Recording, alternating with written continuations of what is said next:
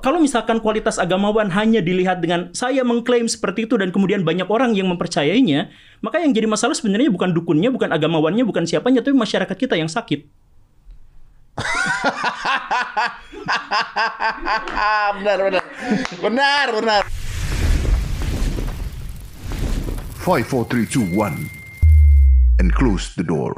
Guru Gembul, aduh saya nyari anda Satu setengah tahun. Satu setengah tahun. Satu setengah tahun dicuekin gua lagi. Gak, gak dicuekin. Ini saya harus marahin si CWS itu, murid saya itu yang megang IG. Oh gitu. Iya. Jadi saya tuh pikun. Saya tuh punya penyakit ingatan. Serius? Jadi- ini serius atau Serius, serius, Bercanda se- nih? serius, Serius. serius. Jadi saya nggak nggak bisa main medsos karena saya pasti lupa passwordnya. Oh. Dan saya nggak bisa ingat nomor handphone saya sampai sekarang. jadi jadi saya punya masalah di bidang itu sehingga saya kalau misalkan apa-apa tergantung pada pihak lain. Kalau misalkan medsos ini YouTube misalkan dibikinin sama istri saya, dikelola juga sama beliau. Kalau IG dan sebagainya itu sama siapa aja murid saya yang mau gitu. Nah si murid saya itu em, HP-nya error atau entah bagaimana gitu. Jadi Dia pesan sempat sempat mati kan Instagramnya sempat nggak jalan kan? iya iya. iya betul. Heeh. Terus kita cari nomor teleponnya susah gitu. ada di deskripsi sebenarnya. Ada ya? Iya ada. Cuman ya siapa juga yang mau nonton deskripsi di video kan? Oh, ada deskripsi nomor teleponnya. Iya Pokoknya karena, karena saya nggak bisa di medsos, jadi saya biasa langsung taruh aja situ. taruh di situ. Oh, pokoknya saya cari satu setengah tahun dicuekin. Maaf, Tiba-tiba muncul. ini tapi, CWS. tapi tapi saya salah satu pengagum Anda. Saya dengerin video-video Anda luar Masa biasa. sih? Iyalah. Ini menarik sekali karena Guru Gembul itu membahas pemahaman Islam yang scientific, bahkan pernah bahas tentang aliens. Wah, ya kan? Aliens loh. luar biasa kan. Makanya wah kayaknya kita mesti ngobrol banyak. Tapi begitu datang ternyata banyak masalah yang baru saja terjadi. Bukan bukan Irjen Sambo, bukan. Bukan. bukan itu itu kita tidak usah bahas Kebanyakan ya. kebanyakan udah dibahas. Gini bro, kemarin itu baru aja ini dulu deh, baru aja banyak kejadian-kejadian guru-guru pesantren, guru agama kemarin baru nih, guru agama memperkosa muridnya. Iya. Guru pesantren juga ada yang begitu. Hmm. Terus guru agama ini suruh muridnya telanjang, terus dipakai di ruangan osis, Oh. terus dipakai di ruang musola di musola. musola sekolah ah, Saya nggak boleh ketawa ini. eh, Ini tragis kan? tragis tapi eh, konsepnya lucu kan tolol gitu loh bro Iya. gitu loh nah saya tuh bingung ini kan agama saya dulu waktu di sekolah itu nilainya jelek Iya. terus saya marah-marah sama guru saya karena dulu, dulu jelek tuh gak naik kelas Oh iya. terus saya bilang gini bu bentar bu gimana caranya ibu menilai agama saya dari tanya jawab soal Ya, kan nggak bisa dong, Iya, iya, iya. dong, kan nggak bisa ya. Iya, dulu bisa. ya. Nah, ternyata banyak guru agama atau pemuka agama yang bejat, Iya. tapi dia pemuka agama. Iya. Itu gimana, bro? Ada ada ada tiga hal yang harus dipahami dari sini. Yang pertama itu adalah dilihat dari umat. Jadi gini, agama itu adalah sesuatu yang sakral dan Ya. karena sesuatu yang sakral maka masyarakat akan menganggap itu adalah sesuatu yang tinggi. Nah, tetapi ada perbedaan mendasar antara menjadi agamawan menjadi de- dengan pura-pura menjadi agamawan. Kan seharusnya ini idealnya yang tercantum dalam kitab suci itu kalau misalkan seseorang disebut agamawan itu adalah ketika dia baik banget secara konsisten, dia bermanfaat banget kepada masyarakat secara konsisten, dan dia taat pada Tuhan secara konsisten. Hmm. Setelah itu, maka masyarakat secara otomatis akan membuat menjadikan dia sebagai agamawan. Jadi diangkat, oleh Diangkat, masyarakat. Diangkat. Makanya dulu misalkan ada istilah sunan gitu kan. Sunan itu artinya susunan, Hah. yang artinya di atas gitu. Oh, Seperti sunat. itu. Oh, oke. Ya. Nah, di dunia modern itu kebalik. Orang nggak usah harus secara konsisten melakukan ini itu segala kebaikan. Dia cukup mengaku bahwa saya adalah seorang kiai, misalkan saya adalah seorang ustadz, saya pesantren di sana, cukup mengaku seperti itu, maka akan ada banyak sekali orang yang percaya padanya. Dan inilah yang jadi masalahnya orang yang sebenarnya bukan agamawan jadi agamawan. Saya kemarin misalkan ya ada ada banyak di kolom komentar saya itu ada seorang mantan dukun yang seorang sekarang jadi Kristen. Saya saya tidak menjelekan Kristen dal- dalam hal ini tapi ada seorang mantan dukun yang kemudian bertaubat kemudian masuk Kristen dan di sana dia kemudian berkata bahwa eh, saya pernah membunuh dukun anu di India, Sai Baba. Kemudian saya pernah datang ke sorga, ke neraka dan sebagainya. Bohong banget. Dan ada ratusan ribu orang yang percaya dengan itu. Jadi kalau kalau misalkan kualitas agamawan hanya dilihat dengan saya mengklaim seperti itu dan kemudian banyak orang yang mempercayainya, maka yang jadi masalah sebenarnya bukan dukunnya, bukan agamawannya, bukan siapanya, tapi masyarakat kita yang sakit. benar benar benar benar benar benar benar benar benar Iya, benar benar tapi- karena kok ya bisa percaya gitu toh maksudnya Ya, kan iya. iya Kan kan misalkan semua semua pernyataan, semua klaim dari dukun, dari ustadz, dari siapa pun itu pasti sepihak kan? Betul betul betul. Dan dipercaya langsung kan. dipercaya lah. Dukun keluarin duit tiba-tiba dari dari wih, keluar duit keluar duit. Orang pada nyembah dia Lah, iya, itu dia. nah kalau begitu artinya kan agama dan logika harusnya berjalanan bareng dong.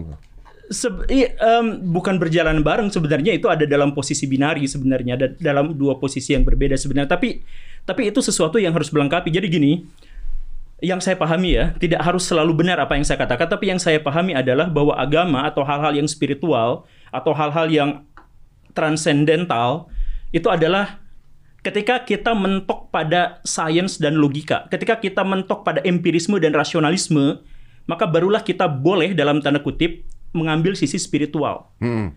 Jadi kalau misalkan kita logikanya belum mentok-mentok amat, jangan langsung percaya pada sesuatu. nah itu orang bisa percaya ada dukun ngeluarin duit Ya, ya itu mat- mat- makanya masyarakat yang sakit itu begitu. gitu. Eh tapi saya ini penghinaan gak sih? Ya, karena kan masyarakat eh, banyak. Iya masyarakat itu banyak. Ada yang tidak sakit. Iya. Ya kan sebagian besar mungkin sakit tuh percaya gitu kan. Eh, Tapi seperempat warga Indonesia itu sakit secara mental kan? Iya, betul. Iya. Menurut saya juga begitu sih. Iya. Berarti Dari- masyarakat itu yang kita sebut ya. Ya itu yang kita sebut seperempat seperempat dari masyarakat Iya, itu ya. Ya, sebagiannya adalah ibu-ibu dan bapak-bapak Facebook. Saya nggak pengen ketawa tapi sakit perut. Kalau dukun, dukun. Nah, dukun, dukun yang ngomong katanya bisa melet orang, bisa ngirim jin. Kan dulu tuh pernah tuh. Ada perkumpulan dukun mengirim seribu jin ke Israel ya. Iya. Wow. Iya. Itu Tidak- kan klaim sepihak kan? Tidak nyampe. Israelnya mah nggak apa-apa. gitu. Iya. ya itu kan. Tapi mereka klaim kan karena Israel juga punya dukun Nah, yang iya, lebih mau dia, kuat. kan? Ya, iya. Tapi kan itu klaim sepihak. Makanya kalau misalkan dalam agama itu klaim sepihak itu kan nggak sah.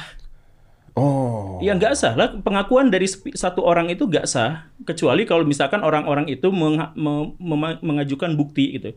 Bukti yang bisa diverifikasi. Tapi kalau misalkan enggak ya enggak gitu. Jadi kalau misalkan saya katakan misal ya eh, nanti ada presiden eh, Indonesia yang meninggal, kemudian saya katakan bahwa itu adalah kata-kata saya gitu. Ya saya bisa kan melakukan hal yang seperti itu dan semua orang juga bisa melakukan hal yang seperti itu. Makanya Ya, kalau misalkan perdukunan ini ini saya harus sampaikan di awal begini ya. Kan banyak orang yang kemudian me- menggarisbawahi bahwa perdukunan itu adalah bagian dari tradisi Nusantara sehingga dia harus dilindungi atau bahwa dia itu memang harus dipertahankan. Ya karena itu- sejarah lah. Iya, sejarah. Itu sebenarnya sama sekali gak. Hampir sepenuhnya setan-setan dan ritual-ritual dukun di Indonesia itu impor dari luar. Impor. Impor. Misalkan tuyu, tuyul. Hah. Tuyul baru muncul tahun 1935. Baru kemarin. Pas zaman Belanda. Baru munculnya itu. Jadi gini, kalau misalkan dalam... Maaf, maaf, Anda tahu tuyul muncul 1935 tuh dari mana? Karena tahun 1990-an Clifford Geertz pada waktu itu meneliti bukan meneliti tahun segitu tetapi dia menjelajah tulisan-tulisan dan eh, folklore-folklore masyarakat sampai tahun 1990-an eh sampai 1900-an gak ada yang namanya tuyul. Tuyul. Yang ada adalah setan gundul. Enggak enggak saya enggak ini ya. Iya, iya, saya terasa sih.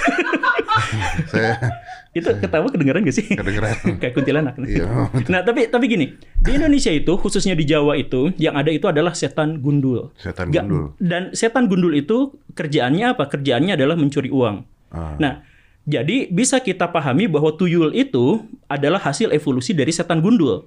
Tapi dari mana tiba-tiba setan gundul berubah menjadi tuyul? Itu gara-gara ini hipotesis saya. Gara-gara tahun 1927 itu banyak sekali orang-orang Jepang yang datang ke Indonesia untuk jadi mata-mata. Karena orang Jepang itu sudah memproyeksikan bahwa Nusantara ini akan dihabisi oleh mereka mengalahkan Belanda dan sebagainya. Jadi sejak tahun 1927 itu mereka mengirim mata-mata ke Indonesia padahal mereka sebelumnya telah kontak dengan orang-orang eh, eh, Korea. Dan di Korea itu ada hantu pencuri uang namanya Doyol.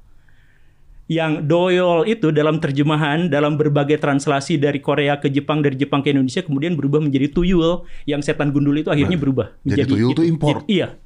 Kuntilanak impor, genderuwo impor, apalagi itu semuanya impor. Jadi kalau misalkan kita menyebut bahwa yang terkait dengan perdukunan, yang terkait dengan eh, tradisi-tradisi mistik kita itu adalah sesuatu yang eh, sakral, original, Tidak juga. Enggak, enggak, enggak, enggak seperti itu. Oh. Itu baru kemarin baru munculnya. Gitu. Oh, bagus nih. Saya cuma percaya dukun-dukun sunat. Iya bener, bener, bener. Iya, Nah, iya, iya. Iya, justru yang harus kita pertahankan itu adalah mentifactnya gitu, mentalitas. Jadi gini, kalau terkait dengan budaya, wujud budaya itu gak boleh kita pertahankan. Hmm. Nah, coba terangkan. Kalau misalkan, saya mohon maaf ya, em, kalau ada satu masyarakat tertentu di Nusantara yang pakaian adatnya adalah misalkan hampir telanjang, Hmm. maka itu gak bisa dipertahankan. Nggak bisa. Gak bisa. Karena karena memang tidak layak untuk dipertahankan karena itu adalah masyarakat yang pada waktu itu memang belum e, memadai untuk menjadi modern. Nah, yang harus dipertahankan itu apa? Mentalitasnya. Jadi sama seperti orang-orang Jepang, ketika orang-orang Jepang di zaman dulu itu bawa samurai, mereka tidak mempertahankan wujud dari tradisinya, mereka mempertahankan mentalitas tradisinya.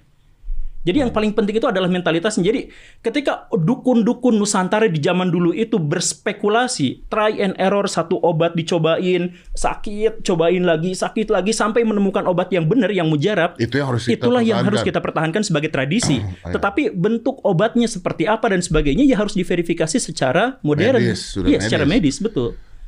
Oke, kalau pakaian tapi sekarang kan misalnya pakaian-pakaian tradisional Indonesia ada yang berkebaya dan sebagainya. Iya. Nah itu kan juga ada orang-orang mengatakan, wah ini nggak bisa nih harus ditutupi wanita. Tapi kan kebaya tuh tradisional Indonesia gimana? tuh? Semua tradisi yang sehat itu adalah tradisi yang berubah dan berkembang. Hmm. Nah, Tradisi mentok itu namanya primitif. Jadi kalau misalkan eh, masyarakat Indonesia di zaman dulunya berkebaya, sebenarnya kebaya juga adalah bagian dari budaya impor dari India dan itu adalah dalam salah satu hipotesis pakaian budak.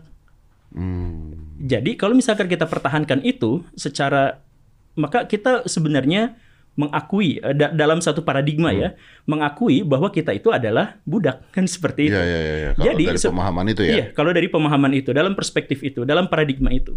Nah, makanya yang paling penting itu adalah soal berpakaiannya itu, bukan soal jadi kita kan bisa mengembangkan budaya Eropa itu di zaman dulu dan sekarang itu berbeda, tetapi ada ciri yang selalu sama. Hmm. Mentalnya yang sama.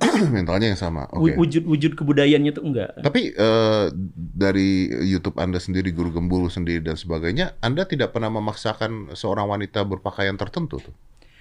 Secara da- dalam keyakinan saya pribadi, dalam keyakinan saya pribadi, perempuan itu harus menutup. Hmm. Karena bagaimanapun laki-laki itu adalah makhluk visual. Hmm.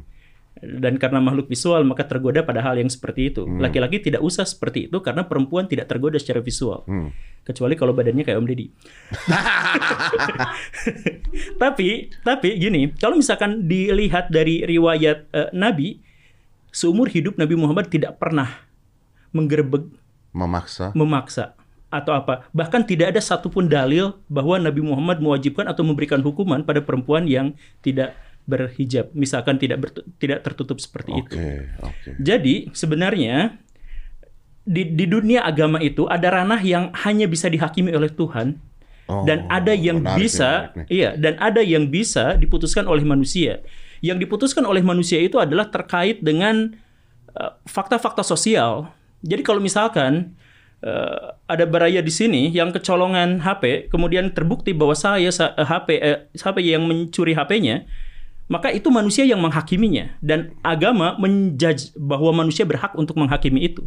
Oke. Tetapi kalau misalkan terkait dengan hal-hal yang spiritual, yang gaib dan itu terkait dengan larangan dan perintah yang tidak pernah dicontohkan tentang bagaimana hukumannya dan bagaimana larangannya, maka itu dipersilahkan kepada manusia semuanya untuk beristihad, untuk ngambil mana yang lebih baik.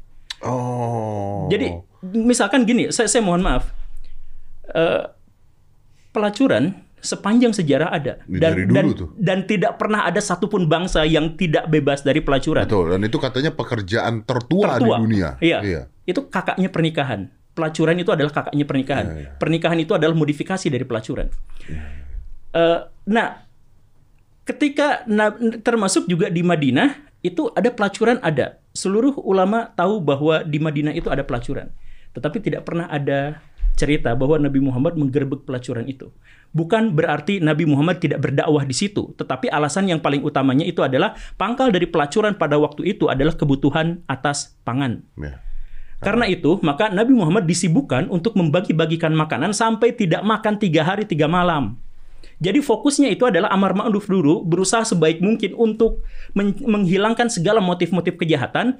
Kalau berhasil di posisi itu, baru Nabi berani melakukan hukuman. Kalau misalkan tidak ada seperti itu, maka ya tidak. Karena tidak ada usaha baiknya gitu Tidak, ya. iya, tidak ada Ya, usaha pelacuran baiknya. dihentikan tapi tidak dikasih pekerjaan pelacurnya gitu Iya kan. betul, iya betul. Iya benar, digerebek di sana sini, ditutup open BO.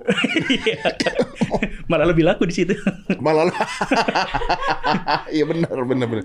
Aduh, saya nonton nggak ya? Tapi saya jadi ngerti. Jadi artinya sebenarnya oke lah. Eh, setuju walaupun kan banyak orang mengatakan ya kadang-kadang yang berhijab aja masih diperkosa kok. iya, eh, bahkan ada banyak yang fetisnya itu kan di situ. Fetish. Oh iya ini kayak gilang kerudung. Eh, Iya. bungkus kain gilang bungkus. ah gila bungkus Gilang bungkus, iya dibungkus. Wah Iya. gila itu. Nah, tapi kemarin tuh ada youtuber, youtuber berkedok sosial media, nyamperin wanita-wanita non hijab di jalan, terus dipakein hijab sama cadar ya. Iya. Terus heboh tuh kan, heboh tuh. Tapi Iya. ternyata ketahuan juga katanya dia sendiri pernah nyuruh orang buka hijab. iya Iya. Mm-mm. Nah, tapi sampai sekarang videonya belum dihapus juga. Terus dia bilang ya ini intinya buat demi kon- konten lah, intinya konten. Iya. Nah ini kan kok ini konten settingan. Ini kan tolol kan. Iya, iya. Tapi gini nih, Em, kalau kalau misalkan ada ada perempuan kemudian yang memaksa, saya juga sempat kemarin nonton eh, channelnya sedikit sekali, tapi jadi kesal sendiri karena eh, visinya yang pertama katanya adalah untuk membuat perempuan bercadar, tapi di situ diekspos si perempuan yang seksinya dengan pahanya, dengan belahan dadanya dan sebagainya diekspos di awal gitu. Iya benar juga ya. Iya benar juga ya. Kenapa kenapa waktu seksinya lu expose Iya ya? kan kan tujuan utamanya itu adalah untuk menutup auratnya. Kenapa malah auratnya diumbar di situ di media di tempat orang jauh lebih banyak menyimaknya gitu melihatnya. Dari situ aja sebenarnya udah ada masalah di situ. Dari situ aja gitu. Udah ada masalah. Jadi apakah ini benar-beneran atau atau konten doang gitu. Tapi tapi kita lepas dari prasangka, kita nggak bisa menghakimi de- dengan prasangka cuman kalau misalkan ada pemaksaan yang seperti itu kemudian dipublish, maka penistaan agama itu terjadinya di situ Di mananya nih? di, di, di ketika ada orang-orang yang mendemonstrasikan agama yang dipaksakan atau agama yang di eh, ya di orang lain didorong untuk sesuai dengan pemahaman agamanya, kemudian itu diekspos, maka di situ ada penistaannya. Kan kan yang dimaksud dengan menistakan itu membuat rendah. Ketika ada Om Deddy juga kan barusan menyebut itu adalah tolol. Jadi banyak orang pada akhirnya yang mendefinisikan yang tolol itu bukan perempuan Bukan- itunya, tapi bukan- hijabnya orang yang berhijab semuanya kayak gitu, orang-orang yang ikuti sunnah semuanya kayak gitu dan sebagainya kan jadi banyak orang yang berpikir seperti itu. Akhirnya jadi membuat negative thinking kepada semua orang-orang seperti itu gitu Iya. maksudnya. Iya. Iya. Ini saya pakai jenggot kayak gini tuh dipecat dari sekolah. dari sekolah yang ini gitu. Gara-gara ini. Jadi karena apa? Karena berpikirnya bahwa eh, kalau orang menggunakan atribut yang seperti itu berarti ada ada frame besar gitu yang sudah dibuat gitu. Iya, Dan iya. frame-frame itu dibuatnya bukan oleh media-media musuh oleh apa tetapi oleh mereka Oleh sendiri. mereka sendiri ya. Iya. Itu yang jadi masalah, itu yang Iya. jadi masalah. Iya benar juga sih. iya sih memang iya ya masuk akal karena sebenarnya dan saya mengatakan tolol memaksa pakai hijab karena satu itu buat konten. Ya, saya juga setuju ngomong tolol, tapi kan saya guru jadi nggak berani ngomong itu. Iya betul betul. Karena konten gitu. Maksudnya Anda kalau bikin konten bisa konten berapa harga outfit lu gitu loh maksudnya. Bukan masa pakai hijab tapi terus udah gitu seksinya diambil dulu. Udah gitu Iya. ketahuan lagi Anda pernah nyuruh orang buka hijab kan. Waduh, ini yang merusak agama ya Anda sendiri gitu. itu akhirnya. penistaan. Penistaan masuknya. Iya, itu penistaan karena menganggap eh, membuat agama sendiri itu direndahkan, dihujat, dihinakan, dijelekan. Gara-gara itu. Gara-gara itu. Iya. Dan lucunya adalah yang yang menghina menghujat juga kebanyakan umat Islam juga karena nggak setuju dengan Iya. perilaku seperti itu Iya, yang masih iya. waras-waras ini. Iya. Iya benar benar benar benar benar. Tapi kalau Anda menganggap di Indonesia ini sebenarnya ada Islamofobia tidak sebenarnya? Eh, saya agak sedih untuk menyebut ini tapi em, ini ini ini harus digarisbawahi ya karena banyak sekali orang yang tidak mau menerimanya. Tetapi pada dasarnya memang dunia ini sekarang sangat Islamophobia. Hmm, kenapa tuh? Di Amerika Serikat misalkan 33% orang itu menganggap bahwa Islam itu eh, identik dengan kekerasan, identik dengan sesuatu yang buruk, dengan sesuatu yang primitif dan itu harus diakui. Saya, saya juga harus menyebut misalkan ini ini jarang sekali disebut tapi harus saya sebut. Misalkan begini ya. eh, di Eropa itu kan menerima banyak sekali pengungsi dari Timur Tengah. Hmm. Dan tak lama setelah itu kasus pemerkosaan dan pembunuhan meningkat di sana. Dan kalau misalkan di sana akhirnya muncul Islamophobia, siapa yang salah? Jadi sebenarnya gini, saya yang yang saya pahami begini, Islam itu dibajak sekarang itu.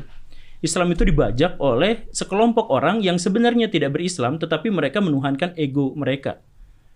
Jadi eh, orang-orang yang seperti itu tidak tahu bahwa mereka itu memperjuangkan egonya, mereka hanya mengira bahwa mereka memperjuangkan agamanya, tetapi gara-gara kebodohannya itu, maka dia benar-benar menghancurkan Merusak Islam agamanya sendiri. merusak misalkan misalkan gini lah. Eh, salah satu yang membuat Islamophobia di dunia terjadi itu adalah kejomplangan antara sains, antara ilmu pengetahuan yang dimiliki oleh orang-orang Islam dengan jumlah yang ada. Dalam syariat Islam, ilmu pengetahuan itu adalah sesuatu yang utama. Bahkan itu yang disebut sebagai penopangnya iman. Iman itu gak sah tanpa ilmu pengetahuan. Dan karena itu, maka di dalam Al-Quran itu dipenuhi saya, saya katakan dipenuhi ayat-ayat yang memerintahkan tentang mencari ilmu pengetahuan, menghormati orang-orang yang berilmu, menganggap bahwa orang-orang yang berilmu itu lebih hebat daripada mujahidin dan sebagainya itu dipenuhi dengan yang seperti itu. Jadi pesan-pesannya itu banyak. Nah, tapi kenapa pesan-pesan itu sekarang di dunia Islam itu tidak ada? Karena muncul dari karena karena Islam itu dibajak oleh orang-orang yang kemudian sekuler yang mengatakan bahwa misalkan ya, misalkan Gak usah belajar matematika, gak usah belajar bahasa Indonesia, itu kan ilmu duniawi. Yang paling penting itu adalah ilmu akhirat, fikih, eh, apa hadis dan sebagainya, balago, nahu sorof dan sebagainya. Saya katakan begini, eh, baraya semua di sini. Saya mohon maaf ya. Ini gara-gara saya ngomong seperti ini, saya dianggap sebagai menghujat agama Islam. Padahal saya demi Allah memperjuangkan Islam. Tapi tapi saya katakan begini, dalam Islam itu sekularisme itu tidak ada atau dilarang karena dalam Islam itu kehidupan duniawi itu harus ditopang oleh kepercayaan kita pada Tuhan. Harusnya seperti itu. Nah, karena itu maka tidak ada pemisahan, tidak ada dikotomi antara ilmu dunia dengan ilmu akhirat. Yang ada itu adalah matematika itu menjadi ilmu dunia ketika kita tidak ikhlas dan menjadi ilmu akhirat ketika kita ikhlas di situ. Ilmu akhirat itu adalah eh, misalkan ya, fisika, biologi itu semuanya adalah ilmu akhirat kalau kita ikhlas di situ. Kalau tidak ya berarti itu ilmu dunia. Mau yang namanya ilmu hadis itu menjadi ilmu duniawi kalau itu untuk cari nafkah, cari duit. Oh, ya, gitu kan? ya. Dan itu ada dalam Ihya Ulumuddin bab yang pertama tentang ilmu itu ada ceritanya seperti itu. Nah, tetapi yang sekarang itu ketika umat Islam sekarang kesenjangan eh, antara populasi dengan sains yang mereka ciptakan itu sedikit, mereka kemudian mengatakan Ya, yang paling penting mah kan kita mencapai sorga, mendapatkan akhirat yang lebih baik dan sebagainya. Nah, pahaman-pahaman seperti inilah yang membajak Islam. Dan akhirnya Islam itu menjadi tertinggal gara-gara orang yang sebenarnya tidak menguasai sains, kemudian dia mencari pembelaan diri bagaimana caranya agar dia tetap dihormati, maka dia katakan sains itu nggak penting karena yang paling penting itu adalah nausorof gitu. Ini bahaya loh sebenarnya. Dan inilah yang terjadi di dunia Islam. Makanya Nabi Muhammad itu mengatakan bahwa Islam itu di akhir zaman akan benar-benar hancur gara-gara banyak pemuka-pemuka agama yang jahat. Pemuka agama yang jahat itu sampai disebut oleh Ibnu Abbas itu sebagai kasar ya, tapi ini Ibnu Abbas yang nyebut ini adalah anjing-anjing neraka. Jadi mereka yang menggunakan agama tetapi untuk kepentingan pribadinya dan akhirnya menyesatkan umat manusia. Jadi Islam difitnah, Islam sekarang banyak fitnah di seluruh dunia itu gara-gara ada orang yang yang tadi itu yang balik lagi di awal, dia tidak konsisten dalam kebaikan, dia tidak konsisten dalam kemanfaatan kepada masyarakat, Tapi dia menikmati statusnya. tapi dia menikmati statusnya karena dia mengakui seperti itu secara sepihak dan masyarakat setuju walaupun pernyataannya sepihak.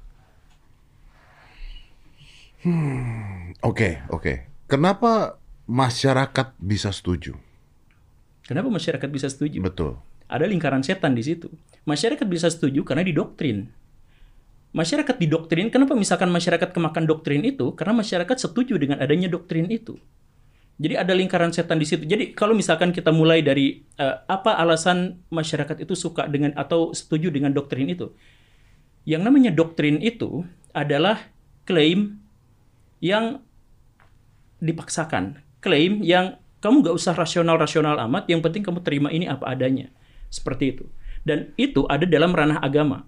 Jadi kalau misalkan dalam agama dikatakan bahwa Tuhan itu tidak terbatas, itu tidak bisa dilogikakan karena kita hanya bisa memahami sesuatu yang terbatas. Tidak ada yang bisa kita pahami pada ranah yang tidak terbatas. Nah, ke- jadi ketika misalkan kita menyebut Tuhan begini dan begitu, kita hanya bisa menerima doktrin itu tanpa bisa merasionalisasikannya. Ini kan sama seperti ada misalnya orang komen di Instagram gitu ya. Misalnya nih ada orang eh, lagi jalan-jalan ke Paris gitu ya, Iya. lagi jalan-jalan Paris. Terus di bawahnya ada yang komen, ah eh, itu hanya kenikmatan dunia. Nah, iya Kenikmatan itu. aslinya tuh nanti, bukan sekarang. Iya. Itu kan menurut saya aneh sekali gitu ya. salah satu senjata dari orang-orang yang terdoktrin itu adalah eh, bukti mereka itu adalah bukti yang tidak bisa diverifikasi.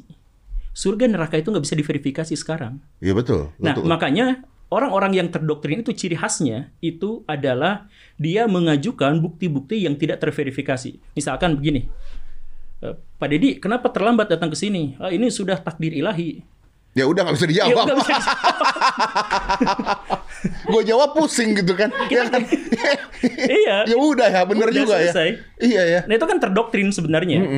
Ada ada temannya teman saya itu yang kalau ngomong sama dia tuh bener-bener capek capek gara-gara nggak bisa ngomong lagi gitu. Iya iya sama misalkan- sama sama. Saya, saya saya saya punya juga saya punya saya punya saya punya. Saya punya tuh. Banyak berarti ya kayak gitu. saya ya. saya lagi sakit. Ya. saya lagi sakit. Terus saya ke saya lagi sakit wah gue mesti nyari dokter ini ini ini. Terus bilang udah eh, hidup mati tuh di tangan Allah. Ya nggak gitu juga bos. Iya memang tapi nggak gitu bos Nah pernyataan itu mendekati kemusyrikan. Itu mendekati kemusyrikan? Karena itu mengklaim perbuatan Tuhan. oh Misalkan, iya, misalkan eh, Pak Deddy tadi misalkan datang terlambat ke sini atau enggak, ya segala sesuatu itu memang perbuatan Tuhan. Iya iya iya. Bener kan? Macet misalnya Iya. ya. Ya macet misalkan itu semuanya adalah perbuatan Tuhan. Tetapi kalau misalkan manusia yang mengklaim perbuatan Tuhan itu, apa itu nggak kurang ajar namanya? Jadi misalkan kalau dia nonton gak ya? Kalau temen gue sih kayaknya nonton. gue benci banget sama tuh orang. ini video ini kayaknya banyak dislike-nya deh. Gak apa-apa dislike YouTube udah gak ada. oh iya iya. iya bener karena ketika segala sesuatu saya sampai ngomong gini sama dia. Bro gini bro, lu ketika debat sama gua segala sesuatu lu balikin ke agama, mending gak usah ngomong deh. Bilang, gimana gua mau jawabnya gitu maksudnya.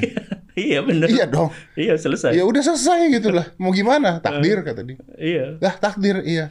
Terus ya kalau gua susah, kalau gua nggak punya duit ya emang takdir. Hah?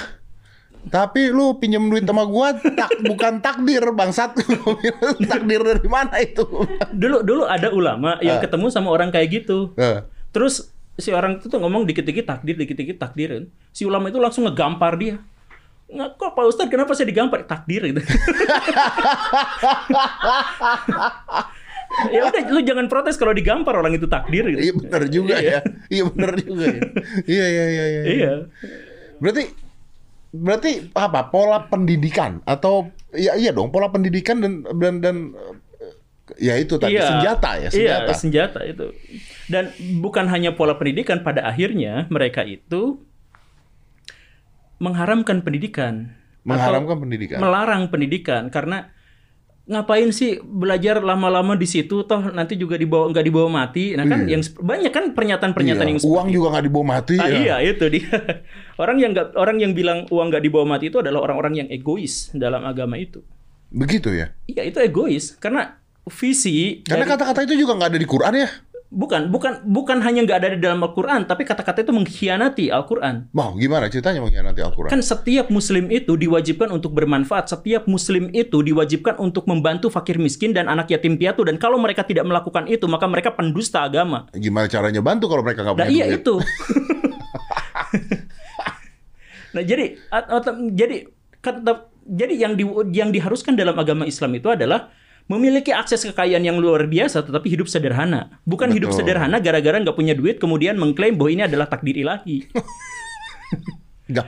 Atau mungkin mereka mencari pembenaran karena mereka ya udahlah gitu ya. Mencari pembenaran Iya, kayaknya. Iya. orang-orang yang frustasi, orang-orang yang apa? Ketika misalkan gini, saya frustasi gara-gara saya miskin. Untuk menghindari rasa penyesalan, rasa sakit hati saya, maka saya harus limpahkan kesalahan pada orang lain atau pada sesuatu yang tidak bisa lagi eh, saya protes gitu, yang hanya bisa pasrah di situ. gitu. Jadi eh, kamu miskin ya sudah takdir ilahi gitu. Misalkan kan seperti itu itu adalah secara psikologis ya Pak Deddy pasti tahu lah ya. Secara psikologis itu kan sebenarnya untuk mengurangi rasa frustasi. mengurangi rasa ya ya Iya. ketidakmampuan mereka dan depresi mereka Iya. gitu kan. Atau kalau tidak seperti itu mereka akan menyalahkan pihak yang lain. Ini pemerintah nggak benar, ini ini gubernur nggak benar, ini ada elit global yang menguasai dunia ekonomi sehingga saya menjadi seperti ini, bla bla bla bla dan sebagainya. Ya, Cara termudah untuk bisa mengurangi rasa sakit hati kita itu adalah mencari kambing hitam yang bisa disalahkan tanpa mereka bisa mengklarifikasinya. Oh iya menarik benar benar benar. Benar karena paling mudah memang seperti itu. Iya. Gitu, Paling mudah.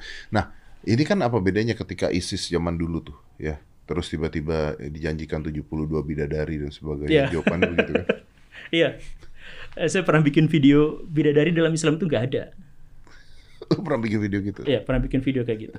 Terus Anda di cancel tidak? Enggak, enggak. Tidak. Saya argumentatif. Coba coba gimana? Bidadari dalam Islam tidak ada. Jadi seperti ini ya, eh, Nabi Muhammad itu sering mengeluarkan pernyataan. Kalau kamu sedekah, maka kamu akan dapat pahala sekian sekian sekian. Kalau kamu ini, eh, kalau kamu misalkan melakukan dosa ini, kamu akan masuk neraka sekian sekian sekian. Tapi kalau misalkan kita telaah, sebenarnya secara tekstual banyak di antara dalil-dalil itu yang bertentangan satu sama lain secara tekstual. Misalkan eh, dikatakan bahwa dosa riba yang paling ringan itu sama seperti menzinahi ibu, padahal menzinahi ibu lebih besar dosanya daripada berzina. Dan dosa itu eh dan zina itu sebenarnya adalah salah satu dosa yang paling tinggi. Jadi bagaimana mungkin dosa yang paling tinggi itu sebenarnya ada di bawah dan di bawahnya lagi sebuah dosa yang namanya riba. Misalkan seperti itu. Nah mungkin dong. Nggak mungkin. Nah, sebenarnya eh, Nabi Muhammad itu selalu menjawab pertanyaan sesuai dengan siapa yang menerimanya. Setiap penerima yang Oh. jadi kalau misalkan gini, kalau ini ini misalkan ya, kalau Ali bin Abi Thalib bertanya apa amalan terbaik, Nabi akan menjawabnya jihad fisabilillah. Tapi kalau yang bertanyanya adalah Ibnu Mas'ud, maka yang yang dijawab itu adalah sholat tepat pada waktunya. Kan nggak konsisten. Sebenarnya bukan tidak konsisten, tapi, Tapi siapa, yang bertanya? Iya. Iya. Kita melihat kelebihan dan kekurangan orang itu Iya. kan intinya kan. Nah, ketika Nabi Muhammad misalkan mengatakan bahwa siapa yang melakukan eh, jihad fisabilillah kemudian dia meninggal dan dia mendapat men- eh, bidadari 72 itu kepada masyarakat awam orang-orang Arab Badui yang belum lama berislam. Kalau yang sudah lama berislam, jangankan surga, surga itu kenikmatannya gak ada apa-apanya dibandingkan dengan melihat Allah. Jadi yang paling penting itu adalah keintiman dengan Tuhan, itu adalah puncak dari kenikmatan seorang muslim. Nah, kan ini nggak konsisten yang satu diiming-imingi dengan bidadari yang sekian, tetapi di sisi lain jangankan bidadari, sorganya aja gak ada apa-apanya kenikmatannya, kan seperti itu. Nah, karena apa? Karena Nabi Muhammad melihat siapa yang berbicara di depannya, siapa yang bertanya. Kalau misalkan yang bertanyanya itu adalah misalkan orang-orang yang dekat dengannya, misalkan Umar atau Ali atau yang semacam itu, itu berbeda jawabannya dengan makanya pernah Abu Hurairah itu eh, dituduh untuk menyembunyikan satu hadis. Eh, kenapa kamu menyembunyikan satu hadis itu? Kata kata beliau itu kalau saya mengatakan pada kamu, kamu akan menggal saya. Jadi nggak akan dikasih tahu. Ah, kasih tahu dong, nggak akan dikasih tahu. Dan sampai sekarang itu rahasia, nggak ada yang tahu. Tapi intinya adalah ada satu sahabat yang mendapatkan jawaban yang berbeda dari jawaban yang lain. Nah, karena itu maka sebenarnya Islam itu harus dipahami sesuai dengan siapa yang bertanyanya. Iya, benar. Ja- Jangan kepada orang yang baru masuk Islam atau kepada langsung diberikan kewajiban yang ini itu gitu. Iya, iya. Ya nggak bisa juga seperti itulah. Pusing langsung. Pusing langsung. Iya, iya. Berarti kalau dijanjikannya cewek, berarti ya doyannya cewek mungkin begitu. Iya, iya. Orang gini. Emang cowok mana yang gak doyan cewek sih sebenarnya? Ada banyak sekarang? Oh iya sih. Pernah diundang di sini ya? Ya, masalah. Iya, iya, iya. Jadi tergantung siapa yang bertanya, apa dilihat, apa kebutuhannya, apa keinginan, apa nafsunya mungkin ya. Iya, iya, Iya kan? iya seperti itu. Wow. Jadi keluasan itulah yang kemudian eh, gagal kita rekam, gagal kita dokumentasikan karena eh, ya tadi itu ada banyak doktrin. Jadi kita tuh lebih banyak doktrin daripada Dan lucu ya kalau saya bilang oh, lakukan ini misalnya di doktrin melakukan ini demi ini nanti di sini eh, ada 72 bidadari dan sebagainya artinya amalan tersebut dikerjakan bukan untuk Tuhannya Iya, gitu, bukan. tapi untuk Nggak ikhlas itu. mendapatkan 72 bidadari kan begitu Iya. larinya kan. Iya. Iya dong kan ada janji tersebut kan. Jadi kalau misalkan di kemudian hari ada orang-orang yang Islamofobia ya wajar lah dalam konteks itu. Makanya jangan salahkan orang-orang yang Islamofobia mari kita sama-sama perbaiki diri umat Islam itu sekarang ada dalam fitnah besar yang belum pernah dialami oleh orang-orang sebelum kita. Maka kita harus memperbaikinya menyelesaikan masalahnya. Bukan kemudian berlindung dan kemudian mencari-cari pembelaan diri untuk meredakan frustasi. Saya terlalu emosi nggak sih? Enggak, enggak, enggak. Kan soalnya katanya ada orang-orang atau pemuka agama yang dipersekusi, yang di mana gitu. Pak Mahfud kemarin sempat ngobrol, sempat iya ini kan ngomong kan, Iya. berapa sih yang ditangkap polisi itu berapa sih? Jumlah jumlah ustadz ada berapa sih? Yang ditangkap berapa sih? iya iya iya, kalau semuanya baru udah protes. Iya, iya, iya, iya, iya. ini menarik nih. Nah, eh, tapi apa yang membuat eh, akhirnya, oh tadi sudah dijawab ya bahwa ilmu pengetahuan dan sebagainya itu yang akhirnya ditinggalkan ya. Iya. Ya, Ada ada banyak hal yang membuat kita meninggalkan ilmu pengetahuan, tetapi salah satu yang tadinya itu adalah eh, sekularisasi. Jadi ada dikotomi antara eh, orang-orang Islam itu misalkan eh, kalau belajar eh, nahu sorof itu dianggap sebagai eh, bekal masuk surga gitu. Sedangkan kalau belajar matematika itu enggak gitu. Padahal kalau belajar matematika itu ya haruslah zaman sekarang tuh harus kan. Iya benar. Jadi emang kita bisa ngitung zakat tanpa matematika kan nggak bisa. Iya juga. iya iya juga benar benar benar benar. Iya. benar, benar. Nah kalau misalnya kita bicaranya seperti itu, eh apa yang harus kita lakukan? Kan ini kayaknya udah udah sangat sulit sekali nih. Ini udah udah kecebur ke jurang banget nih. Ya. Ya, seperti yang dikatakan sama Nabi, ini adalah keniscayaan di akhir zaman, tapi eh, kata Nabi eh, pasti akan ada orang-orang yang akan membela terus-terusan sampai mati. Hmm. Eh, Islam yang tidak dibajak itu. Hmm. Jadi saya tidak tahu jalan saya ada di mana, tapi dengan seluruh hati nurani saya, saya ingin ada di sana. Saya ingin ada menjadi bagian dari orang-orang yang memperjuangkan Islam walaupun orang-orang tidak mengenalinya lagi. Oke, Islam yang benar ya, Iya, ke- benar itu relatif. klaim ilahi ya. Iya. Benar itu klaim ilahi, tapi sepanjang yang saya upayakan, saya ada di sana. Saya berusaha untuk ada Apakah di banyak musuhnya? sana. Eh, terus itu banyak banget sih. Ya, Banyak ya? Banyak, banyak. Salah ngundang kita juga ini juga. Iya, makanya ini kayaknya Salah. Banyak yang request justru. Oh, iya, banyak. Banyak yang request. Iya. Banyak yang request. Maksudnya kita ngundang yang bilang ini mikrofon buatan Cina kafir gitu. Oh, ini mikrofon buatan kafir ya? ya salah sendiri kita kena- kenapa nggak bisa bikin? Ya itu dia masalahnya, itu dia masalahnya itu itu itu. Iya kan wajib kita bikin seperti ini. tuh. Iya benar benar benar benar. Kan Benar. Visi umat muslim itu bermanfaat buat orang lain. Iya benar benar. Kalau kita bisa bikin ya kita nggak bikin nggak pakai buatan kafir. Iya. Orang kita bisa bikin lebih bagus gitu ya. Ya kan kalau lebih bagus ya Iya. orang apa kayak kita buatan-buatan kita sendiri gitu. kan. Uh-uh. Kalau tidak ada ya emang bagus. Gimana dong? Bisa, iya, Tapi Iya. tapi memperjuangkan ini kan tidak mudah ya bro ya. Maksudnya, eh, nah pertanyaannya adalah eh, saya juga mengenal ada beberapa orang yang sebenarnya menurut saya pintar, sekolah Hmm. S1, S2, Iya. tapi menganut seperti itu gimana tuh penjelasannya? Ada yang S3 seperti itu, Nah, bahkan iya. ada yang profesor seperti itu. Nah pertanyaan saya itu ISIS ketika meledakkan 9/11 Iya, dia kan bisa nyetir pesawat bos. Iya. Bukan orang bodoh bos ini bos. iya bukan. Yang dijanjikan bidadari itu bos. Iya. Nah, berarti bertolak belakang dong dengan yang tadi kita bicarakan. Kan kan kan yang menggerakkan kita itu bukan intelektualitas, yang menggerakkan kita itu adalah hati. Bahkan ketika kita bisa berintelektualitas itu kan sebenarnya juga adalah dorongan hati. Hati itu adalah kehendak. Kehendak itu kemudian punya dua anak buah. Yang pertama akal, yang kedua rasa. Akal itu pada akhirnya ketika diasah kemudian mendapatkan metodologi tertentu maka dia disebut sebagai intelektual. Rasa itu namanya emosional, tetapi kemudian ketika dia diasah terus dengan spekulasi mistik makanya namanya menjadi spiritual. Nah, kalau misalkan sejak awal hatinya udah busuk, maka dia mau seintelek apa pun dia tetap akan jadi busuk dan kecerdasan itu Makin akan, busuk berarti. Iya, Kecerdasannya akan akan menjadi digunakan untuk digunakan kebusukan. untuk gitu. kebusukan, ya. Iya.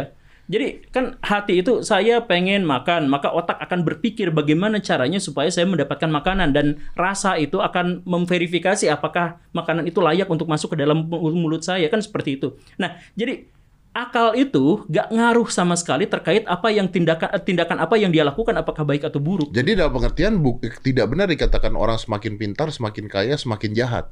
Tapi orang jahat jadi kaya jadi pintar makin jahat gitu. Iya, kan karena iya. dia punya Jadi orang-orang kaya itu bukan makin jahat, tetapi dia ma- mas- eh, apa, memiliki semakin besar akses untuk melakukan kejahatan yang lebih besar. Iya, iya, iya. Iya. Kalau di awalnya sudah jahat, Iya, makin gila lagi jahatnya. iya, Karena sekarang aksesnya terbuka untuk melakukan hal tersebut. iya. Ah, iya, iya, iya, ini masuk akal nih, betul, betul, betul. Makanya kewajiban kita untuk mengakses sebesar-besarnya. Eh, mau itu kekayaan, mau itu intelektual, mau itu eh, bisnis, media dan sebagainya itu kewajiban kita karena dari situ kita bisa mengukur iman kita apakah kita di situ bisa be- berbuat menjadi baik atau jahat. Ya kalau misalkan kita masih krocok-krocok kayak gini gitu nggak ngerti apa-apa gitu, kemudian kita ingin melakukan perbaikan, perubahan, ya akses kita kan terbatas. Sedangkan visi hidup kita itu besar. Hmm. Iya, iya, iya, betul, betul.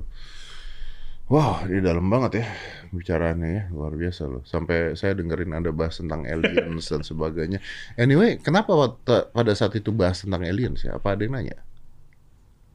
bahas alien. Ah. Saya saya punya bahasan banyak tentang alien, tapi salah satunya gini, karena karena saya paham bahwa Islam itu adalah sesuatu yang menyeluruh, maka saya tidak mungkin bahas agama dalam konteks tradisi terus-terusan.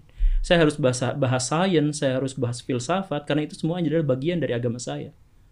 Jadi kalau misalkan saya bahas alien, saya, saya sampaikan di situ bahwa ketika saya bahas alien, saya tidak membahas alien. Saya katakan sejak awal kalau ini hipotesis, maka saya katakan ini adalah hipotesis. Kalau saya katakan ini adalah pernyataan, saya sebut itu adalah pernyataan. Dan kalau misalkan saya katakan bahwa fisika itu sebagian besarnya itu halu, itu juga saya katakan seperti itu. Jadi jadi bukan berarti saya sains misalkan sepenuhnya sains. Kadang-kadang saya juga mengkritik sains kan. Ya, ada sains yang kadang-kadang dimakan oleh ideologi tertentu seperti yang di barat dan di Indonesia juga. Ada eh, ada filsafat juga yang sebenarnya ditunggangi oleh pihak yang lain dan kemudian berubah namanya menjadi teologi dan lain sebagainya. Tapi ya saya sampaikan itu seperti itu sebagai bagian dari produk pikiran saya bahwa agama itu adalah sistem menyeluruh, tidak hanya terkait dengan hal-hal yang doktrinal dan transendental. Hmm, hmm, hmm. Gitu. Anda ini basicnya apa sih? Pendidikan, Pendidik eh, guru, guru, guru SMA. guru SMA.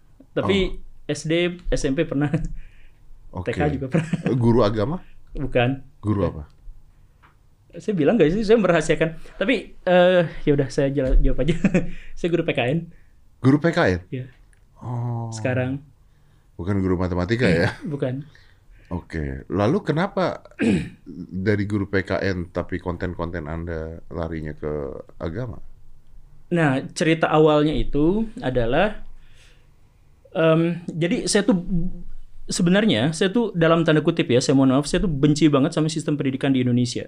Hmm. Dan saya banyak nonton konten Pak Deddy dulu yang membahas tentang pendidikan Sampai dan sekarang. kita kita ada dalam satu frekuensi yang sama iya, di mana iya. sistem pendidikan kita tuh ngaco gitu. Iya betul, memang.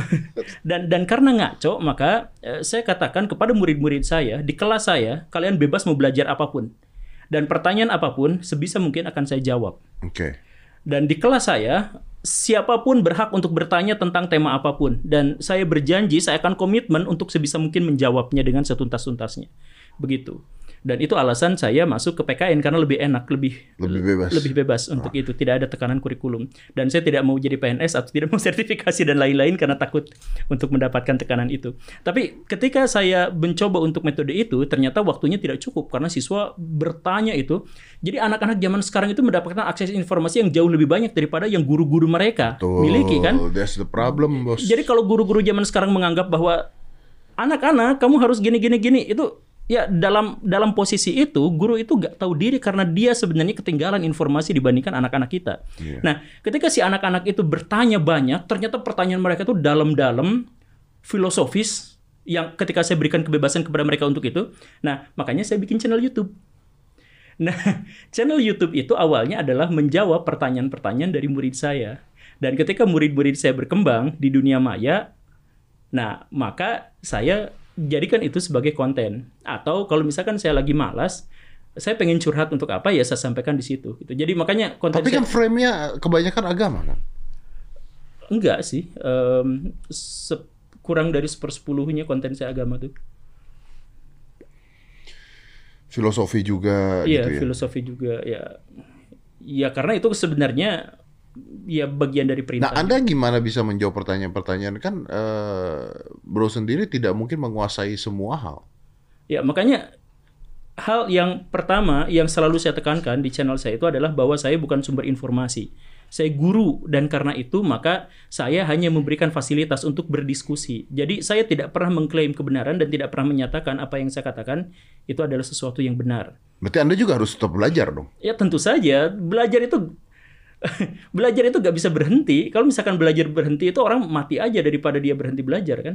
Nah jadi saya katakan kepada murid, saya katakan kepada subscriber, jadi kalau Baraya 100% percaya pada apa yang saya katakan, itu berarti Baraya salah.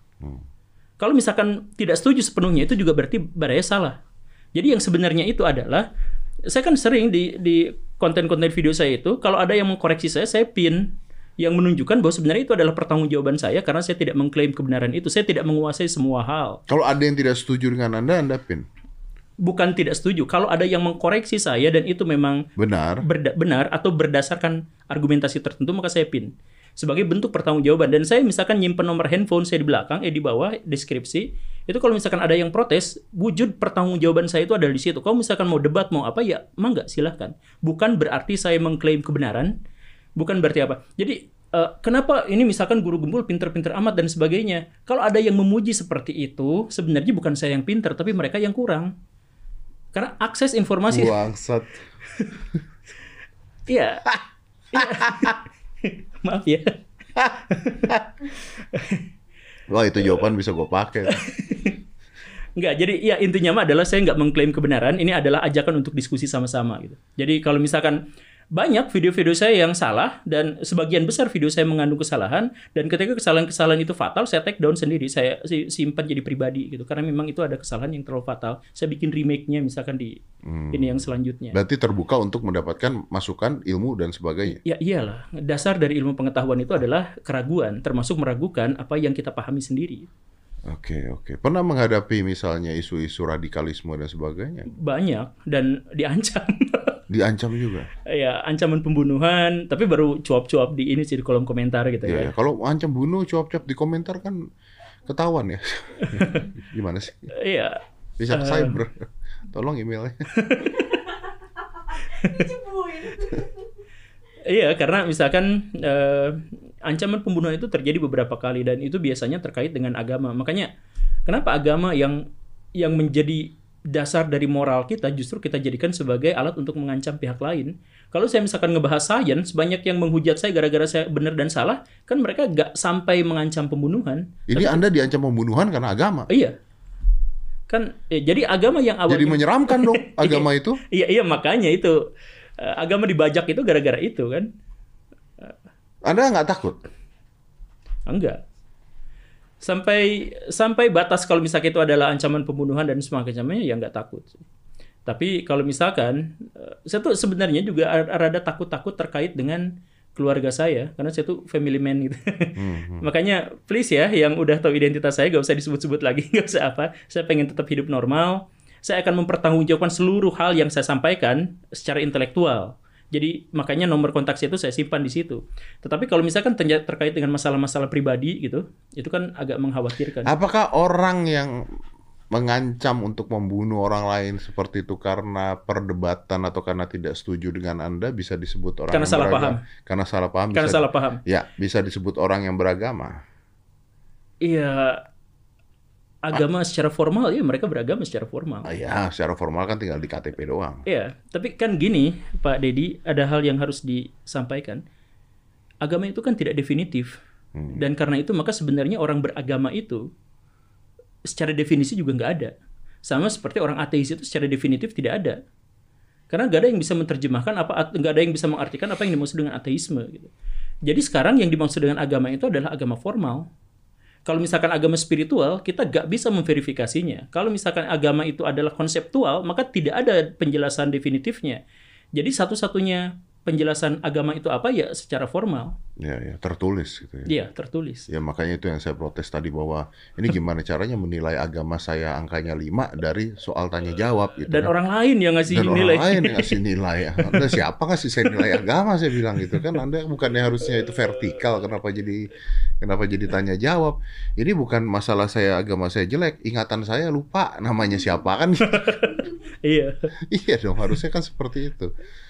Wah, tapi kalau kita bicaranya eh, tentang agama ini tidak akan pernah ada habisnya. Iya, kan? Dan dan ada orang yang mengatakan bahwa agama ini adalah alasan untuk perang. Iya. Agama ini adalah machine of war. Iya. Karena agama ini Anda tidak lagi bisa melihat ras seseorang, Hmm. suku itu nggak bisa. Kalau misalnya eh, orang kan misalnya tidak suka dengan ras tertentu, tidak suka dengan suku tertentu, kelihatan dari kulitnya, Hmm. Iya. kelihatan wajahnya, kelihatan cara ngomongnya, kelihatan. Iya. Ketika bicaranya tentang agama, maka ras, suku dan sebagainya nggak kelihatan. Iya.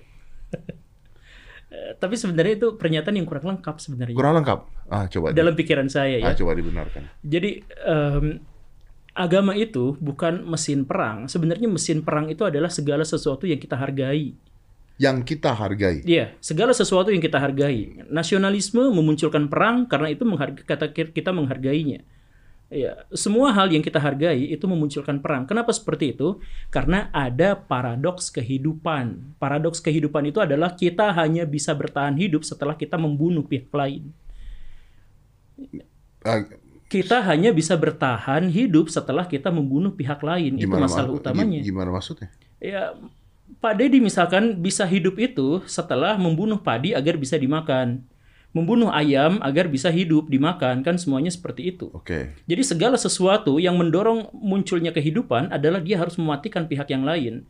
Jadi Tuhan itu sejak awal sudah menciptakan eh, dalam tanda kutip perang karena untuk bisa bertahan hidup kita itu harus Ber- nah bertahan hidup. Kalau kita bicaranya perang ini bertahan hidup atau bertahan terhadap konsep apa yang kita percaya? Nah, nah konsep-konsep yang kita percaya, konsep yang kita hargai itu, yang tadi saya Uh-uh. bilang ya kita hargai, itu adalah turunan-turunan dari kepentingan untuk bertahan hidup. Membuat kita hidup. Iya. Jadi segala sesuatu itu adalah kepentingan untuk bertahan hidup. Jadi konsepsi-konsepsi kita tentang Gimana, agama tentang gimana caranya eh, Anda mengatakan bahwa misalnya perang agama, kita anggap aja perang salib. Oke, Perang agama, perang salib.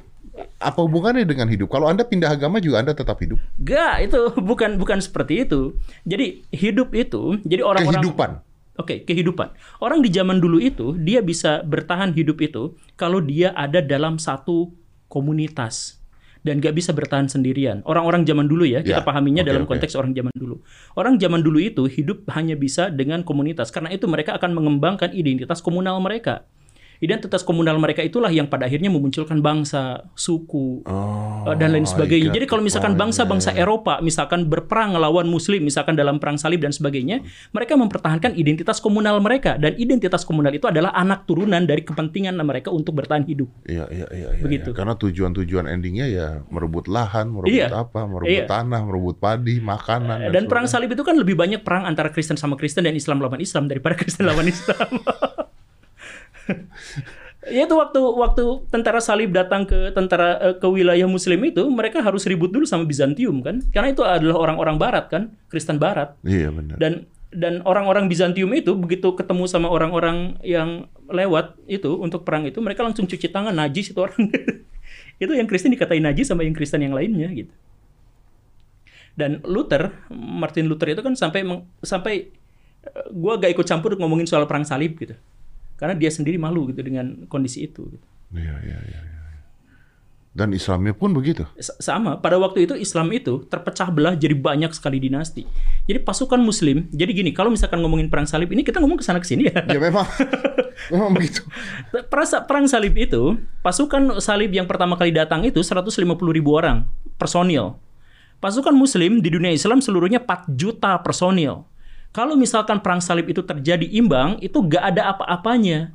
Nggak akan menang. Gak akan menang, gak bisa apa-apa. Oh. 150 ribu berbanding 4 juta pasukan pasukan reguler itu gimana ceritanya? Oh, tapi 4 juta ini punya kepentingan Tapi masing-masing. 4 juta itu perang satu sama lain. Iya. punya kepentingan masing-masing. Makanya dan dan bahkan serangan Aduh. ya udahlah, ini sesuatu yang jarang sekali dibahas oleh sejarawan-sejarawan saat ini. Saya katakan bahwa perang salib itu nggak penting buat dunia Islam sedemikian penting sampai tidak ada catatan tentang perang salib yang dibuat oleh orang Islam sendiri. Imam Al-Ghazali itu hidup di zaman perang salib dan tidak ada singgungan sedikit pun tentang perang salib saking nggak pentingnya itu. Sekarang kan kita anggap penting itu Ya. karena ada, ada sekarang itu ada sentimen besar antar agama. Ya, Ya karena itu muncul itu. Tapi, tapi, tapi di zaman dulu itu perang salib itu oleh dunia Islam itu nggak dianggap penting. Bahkan yang mencatat paling lengkap tentang perang salib di dunia Islam itu Ibnu Khaldun dan mencatatnya dua paragraf gitu doang. gitu doang. Nah kebanyakan yang mencatat itu adalah dari pihak Kristen karena pada waktu itu ada perubahan radikal di eh, Eropa pada waktu itu. Nah kenapa di dunia Islam tidak diceritakan? Karena nggak penting. Kenapa nggak penting? Karena populasi Muslim pada waktu itu yang saya katakan tentaranya aja 4 juta. Jadi Oh. kalau ada kerusuhan kayak gitu itu mah dianggap sebagai orang-orang yang demo di pinggir jalan gitu. Iya, iya benar. Iya. Tapi bisa sedahsyat itu ceritanya. Bisa sedahsyat itu karena kepentingan yang lebih besar. Kalau misalkan kita lihat, ya perang itu perang kecil-kecilan, perang hanya di, memperebutkan Yerusalem, bukan perang-perang kecil-kecilan. Itu sebenarnya perang besar. Tetapi dibandingkan dengan kondisi-kondisi yang terjadi di sekitarnya, itu eh, misalkan dinasti Abbasiyah itu benar-benar dilingkupi oleh dinasti-dinasti lain yang yang berperang satu sama lain dan mereka ketakutan sama dinasti itu. Kemudian Fatimiyah menjadi lebih besar daripada Abbasiyah. Kemudian ada Ghaznawi di, di sebelah eh, timurnya ah, dan lain sebagainya. Keributan-keributan itulah yang lebih dikhawatirkan. Ya. Dan kayaknya banyak informasi-informasi yang orang-orang tuh juga nggak tahu ya. Kayak misalnya di Israel gitu ya. Di Israel saat ini ya. Di Israel tuh banyak umat Muslim loh Iya, hidup di sana. dan bahkan jadi tentara Israel. Iya, Iya. iya, Jadi banyak yang nggak ngerti gitu loh. iya. Bahwa ada ada teman saya punya teman itu Muslim dan di Israel dan ya udah lo sholat sholat gitu nggak nggak ada masalah juga. Iya, biasa aja. Iya. Iya. Iya karena ya kalau sudah terbentuk identitas komunalnya ya itulah kita akan lupa sama hal-hal yang lain gitu. Ya makanya doktrin itu pada akhirnya bukan hanya disampaikan oleh satu pihak tapi kondisi tertentu mendorong kita untuk menciptakan doktrin untuk diri kita sendiri. Oke oke oke. Kalau medianya sendiri gimana menurut uh, Apa? Anda? Media kita. Media kita apanya? Media kita memang sengaja membesar-besarkan hal ini atau memang karena ini menarik atau karena agama ini seksi? ada ada media di Indonesia yang bertahan sebisa mungkin untuk tetap idealis dan nggak laku. Jadi kalau misalkan nggak laku mati. Kalau media itu mati maka dia tidak bisa menyampaikan kebenaran. Kalau sudah tidak bisa menyampaikan kebenaran untuk apa dia bisa eh, hidup sebagai eksis, eh, eksis sebagai media. Jadi apa yang terjadi? Semua media-media itu pada akhirnya menjadi pragmatis. Ada yang pragmatisnya itu sedikit, ada yang pragmatisnya itu seluruhnya. kan seperti itu. Jadi eh yang yang saya lihat media-media saya, saya saya ada ada media-media yang setiap saya buka Google itu bahasannya adalah tentang eh, artis ini pindah agama gitu. Setiap itu bahasnya itu gitu. Itu kan masalah pribadi itu nggak penting. Itu nggak ada nggak ada kepentingan publik yang harus disampaikan di situ. Ya, tapi, laku, tapi laku, tapi Ya, laku. tapi laku. Ya itu tadi balik lagi bertahan hidup. Iya, iya. Jadi ada ada konten kreator yang bikin setan-setanan kemudian ditimpuk dan sebagainya dan penontonnya jutaan. Iya benar. Iya, ya saya Ya juga itu penonton kita yang tolol berarti kan. Balik lagi ke tadi kan ini kan. Iya, tapi kan- Masyarakatnya kan. lumayan dapat miliaran saya juga pengen sebenarnya gitu. Iya makanya. Kan kan gampang banget bikin konten yang kayak gitu penontonnya jutaan ya ampun Oh, atau Anda nggak pernah lihat ini video Ustadz dan sebagainya nangkap jin tuyul masukin ke botol? iya itu. Be itu, be yang satu pura-pura kesurupan. iya ada yang ada yang kesurupannya bu ada yang nggak yang nggak pura-pura kesurupan tapi trans beneran gitu ada yang seperti itu kan tapi tapi intinya mah itu ya itu kalau misalkan dapat duit instan dengan cara semudah itu ya tentu saja banyak orang yang memilihnya kan Tapi kenapa orang percaya? ya sakit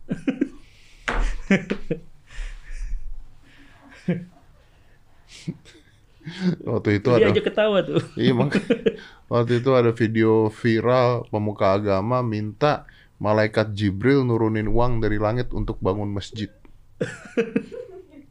Eh, ah, ya. Ya, tahu nggak anda? Itu lucu tuh. Mintanya ke langit, malaikat Jibril pula. wah hebat ya Yang diturunkan petir harusnya. nanti saya berguru Saya pengen dapat duit sebanyak itu.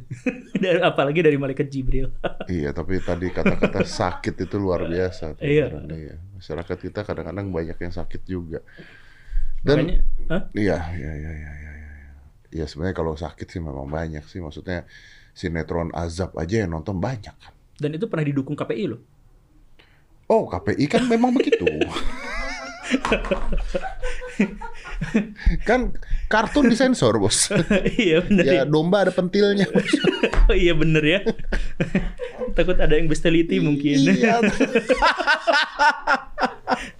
Terangsang sama Embe. terangsang sama embe. Itu dia makanya. Iya betul betul. Bener banget, bener banget.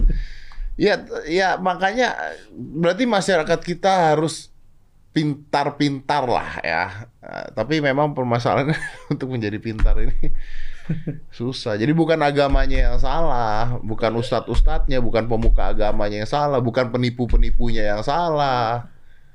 Tapi Anda yang nonton, Anda yang percaya, Anda yang tidak. Anda gini, Pak. Jadi basicnya pengkultusan kan sebenarnya kan, Iya, kan? iya. Pengkultusan toh. Iya. Iya makanya makanya harus balik lagi ke awal. Agama itu memang sakral dan karena itu memang harus disu-. Agamanya loh ya. Iya, tapi simbol-simbol agama itu harus membuktikan keberagamaannya dulu baru dia layak untuk disakralkan. Bukannya dia mengklaim menjudge secara sepihak bahwa saya adalah kiai atau ustadz atau habib atau apa, walaupun kata-katanya kotor, kotor walaupun perbuatannya buruk dan sebagainya kemudian langsung diterima. Kan nggak bisa seperti itu. Ya itu pangkalnya itu kan sebenarnya dari situ, dari kita mengkultuskan orang yang salah. Ya, ya bayangin Nabi Muhammad aja ini Nabi Muhammad ini orang yang jujur, orang yang terpercaya butuh usaha berpuluh-puluh tahun hanya agar agamanya itu diterima oleh segelintir orang. Artinya konsisten untuk melakukan kebaikan selama puluhan tahun baru diterima oleh masyarakat sebagai eh, orang yang menjadi simbol dari kesakralan gitu. Nah kita gak, gak ada orang yang seperti itu, gak ada pembuktian apa pun. Tiba-tiba hanya dia karena mengaku karena ini begini dan begitu pesantren di sana keturunan dari anak dari sana dan sebagainya langsung banyak masyarakat yang percaya kan masalahnya pada masyarakat itu. Iya, iya, iya. Iya betul. Kalau Habib gimana Habib? Habib. Habib apa? Habib Jindan Jadi bikin lagu. Aduh. Nge-rap sambil main nuncaku. Enggak, tapi itu kan sebenarnya ini yang eh, apa modus yang juga digunakan oleh orang-orang yang sebelumnya dibully kan. Kan ada banyak orang-orang di Indonesia itu yang dibully yang dianggap eh, halu, dianggap apa. Tapi dia udah kadung di situ kecemplung. Nanggung. Nanggung jadi Sekalian. dan terus menjadi Iya, iya, kan. bener. Ini juga kan modusnya sama aja. kan, gitu. Sama-sama. Saya begitu lihat bikin lagu kan. iya. iya kan? Bikin lagu gitu. Terus udah gitu eh, si ceweknya Denisnya minta, Om boleh promoin nggak? Pala lu promoin. Udah udah nanggung populer kok. Udah nanggung populer, iya beneran. Iya. Saya ngeliat dia tuh mirip dengan Aldi Taher. Saya tadi mau nyebut gitu. Iya kan? Saya tahu maksud Anda ke mana masalahnya. Saya tahu. Maaf ya. Iya, iya bener juga ya. Nah, iya sih. aduh, tapi aduh, capek gua. Karena memang Terus gimana dong, bro? Kalau misalnya tontonan-tontonan seperti itu, ya sekarang kita nggak usah bicara gitu lah, prank-prankan bohong aja banyak gitu kan. Artis bakar tisu ke hipnotis cerita tentang keluarganya cerai. Dan mau lagi diekspos ya. Dan mau lagi diekspos, Anda dibayarnya nggak seberapa, Anda cuma pengen masuk TV doang viral, bakar tisu, pura-pura ke hipnotis itu. Aduh, mending Anda nggak usah gitu, mending Anda promo judi online. ya sekalian sama-sama haram. Sekalian sama. ya makanya kalau emang itu beneran bisa bakar tisu, peng orang ngomong ya masalah Irjen Sambo kemarin gitu aja ngomong gitu kan. Tapi gimana dong sekarang, Bro? Gimana? Gimana dong? Yang nonton lebih banyak, ayo. Iya kan? Orang-orang sakit dan orang-orang bodoh itu ditakdirkan jauh lebih banyak daripada orang-orang yang pinter. Nah, kalau gitu akan begini terus umur hidup, Bos. Enggak. bisa. Jadi yang pertama itu adalah hierarki itu mewajibkan meniscayakan setiap orang itu yang bawah-bawah itu banyak untuk menopang yang di atas yang sedikit. Karena yang sedikit di atas itu bobotnya berat, jadi harus ditopang sama orang yang sangat banyak itu. Makanya takdir di mana pun. Jadi misalkan hierarki yang kecil aja. Presiden itu satu, bawahannya makin banyak, makin banyak, dan akhirnya paling bawah itu paling banyak kan seperti itu. Hierarki itu seperti itu. Nah, jadi kalau misalkan ngikutin Pak Renald Kasali, orang-orang yang bisa berpikir independen dan tidak terdrive oleh pihak yang lain itu cuma 2%. Jadi sisanya itu adalah orang-orang yang ngikut yang ya disebut sakit atau bodoh atau apa kayak gitu gitu. Nah, yang jadi masalah itu adalah nih orang-orang yang pintar tadi itu dia harus memiliki tanggung jawab besar untuk bisa mengubah itu semua. Ya nggak bisa buktinya. Bisa nah gini Gimana nih. caranya merubah orang mereka lebih suka nonton-nontonan begitu? Amerika Serikat butuh waktu 300 tahun untuk dia bisa menjadi benar-benar lebih demokratis gitu. Kita sekarang baru 77 tahun. Jadi Aduh bos, lama. bos lama banget bos. untuk mengubah masyarakat yang tinggal di 5 juta kilometer persegi dengan populasi sekitar 300 juta itu gak mungkin satu generasi. Saya yakinkan bahwa perubahan itu tidak akan terjadi sekarang, tapi saya mencoba sebaik mungkin saya turut berkontribusi dalam perubahan itu. Untuk mempercepat. Iya. Jadi yang paling jadi fokus saya adalah saya tidak akan merubah masyarakat secara radikal dan sebagainya, tapi saya fokusnya pada saya ada dalam bagian itu gitu. Ya ya ya. Ya, jadi kalau misalkan kita nungguin masyarakat berubah, sebenarnya kan masyarakat kita itu sedikit demi sedikit berubah. Waktu saya kecil itu, kalau saya lihat kereta itu, itu udah kayak landak dipenuhin oleh orang kan, Iya betul, di atas betul, atas, di di atas atas atas, betul betul. Sekarang nggak seperti itu. Artinya ada perubahan positif kan? Sebenarnya kita itu melihat perubahan positif di mana-mana. Kita tuh melihat perubahan positif di mana-mana dan karena itu kita memang harus optimistik atas hal itu. Ah. Tetapi karena media kita memang mewartakan sesuatu yang buruk lebih banyak daripada yang baik karena bad news is good news. Iya. Iya, maka kita menjadi lebih pesimistik. Tapi nggak apa-apa kita pesimistik selama itu bisa di- mendorong kita untuk mengkonstruksi masa depan. Berarti harus ada orang-orang yang memang berjuang terus-menerus Iya. tanpa pantang capek, pantang lelah, kita Iya. pantang kesal. Karena kita harus percaya bahwa satu saat. Tapi kan Anda bilang nggak bisa hierarki. Hierarki apa? Bahwa yang lebih tolol-tolol lebih banyak dibandingkan yang pintar. Iya, jadi Nah, jadi sampai kapan pun hierarki tersebut akan tetap ada dong. Yang lahir tolol lagi tuh ntar. tujuan utama manusia hidup itu sebenarnya bukan eh, tujuan biologisnya itu bukan untuk pintar. Tujuan biologisnya adalah untuk bertahan hidup dan melestarikan kehidupannya, Hmm. melestarikan spesiesnya. Itu adalah tujuan eh, hidupnya dia Iya. secara biologis. Dan kalau misalkan tujuan secara ideal adalah agar dia bahagia. Gak apa-apa jadi tolol juga asal bahagia. Kan gitu. Jadi yang paling penting itu bukan tujuan kita menjadi semuanya menjadi orang pintar karena itu nggak mungkin. Ya, kalau bahagianya dia eh, nontonin azab, jadi jadi gini Pak, eh, saya, saya harus gini. saya tidak setuju nih. Dari pembicaraan tadi ini saya tidak setuju yang ini. Yang gimana? Anda kan mengatakan bahwa hierarkinya Hierarki itu Iya. keniscayaan. Saya saya saya setuju, saya Ah. setuju. Maksudnya gini, kita nggak usah bicara tentang orang pintar, orang bodoh dan sebagainya. Iya, Orang kaya jumlahnya pasti lebih dikit, iya. ya kan? Bahkan katanya satu persen orang kaya uh, sampai 10 persen, iya. bawahnya semuanya Iya. menengah ke bawah. Iya, betul. Yang menengah akan hilang nih katanya nih. Either lu naik ke atas atau turun ke bawah gitu Iya. kan. Dan ini terjadi turun temurun turun temurun. Kalau Iya. semua orang kaya nggak mungkin gitu. Semua Iya. orang susah nggak mungkin gitu. Iya. Artinya sampai kapan pun mau tunggu 300 tahun, Iya. Maka orang-orang pintar itu jumlahnya akan tetap lebih sedikit dibandingkan orang-orang bodoh. Iya, tapi bukan soal pintar atau enggaknya, kan? Eh, berarti soal kan tidak ada, tidak, ada, peradabannya. tidak ada gunanya ketika Anda mencoba untuk merubah orang menjadi orang pintar dong. Ya bisa lah. Nah gimana kalau Kan yang paling penting itu adalah peradabannya, peradaban yang dibangun oleh mas- hierarki itu.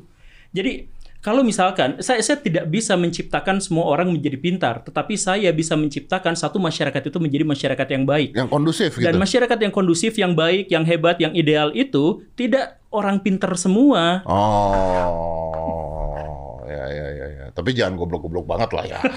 Enggak, maksudnya gini, bukan berarti saya tuh ngajak jadi udah aja goblok aja yang karena sudah ada. Enggak, jadi siapa pun yang merasa dirinya baik, siapa pun di di antara kita yang merasa kita itu punya visi, kita harus fokus ada di atas, bukan melawan orang-orang yang ada di atas. Iya.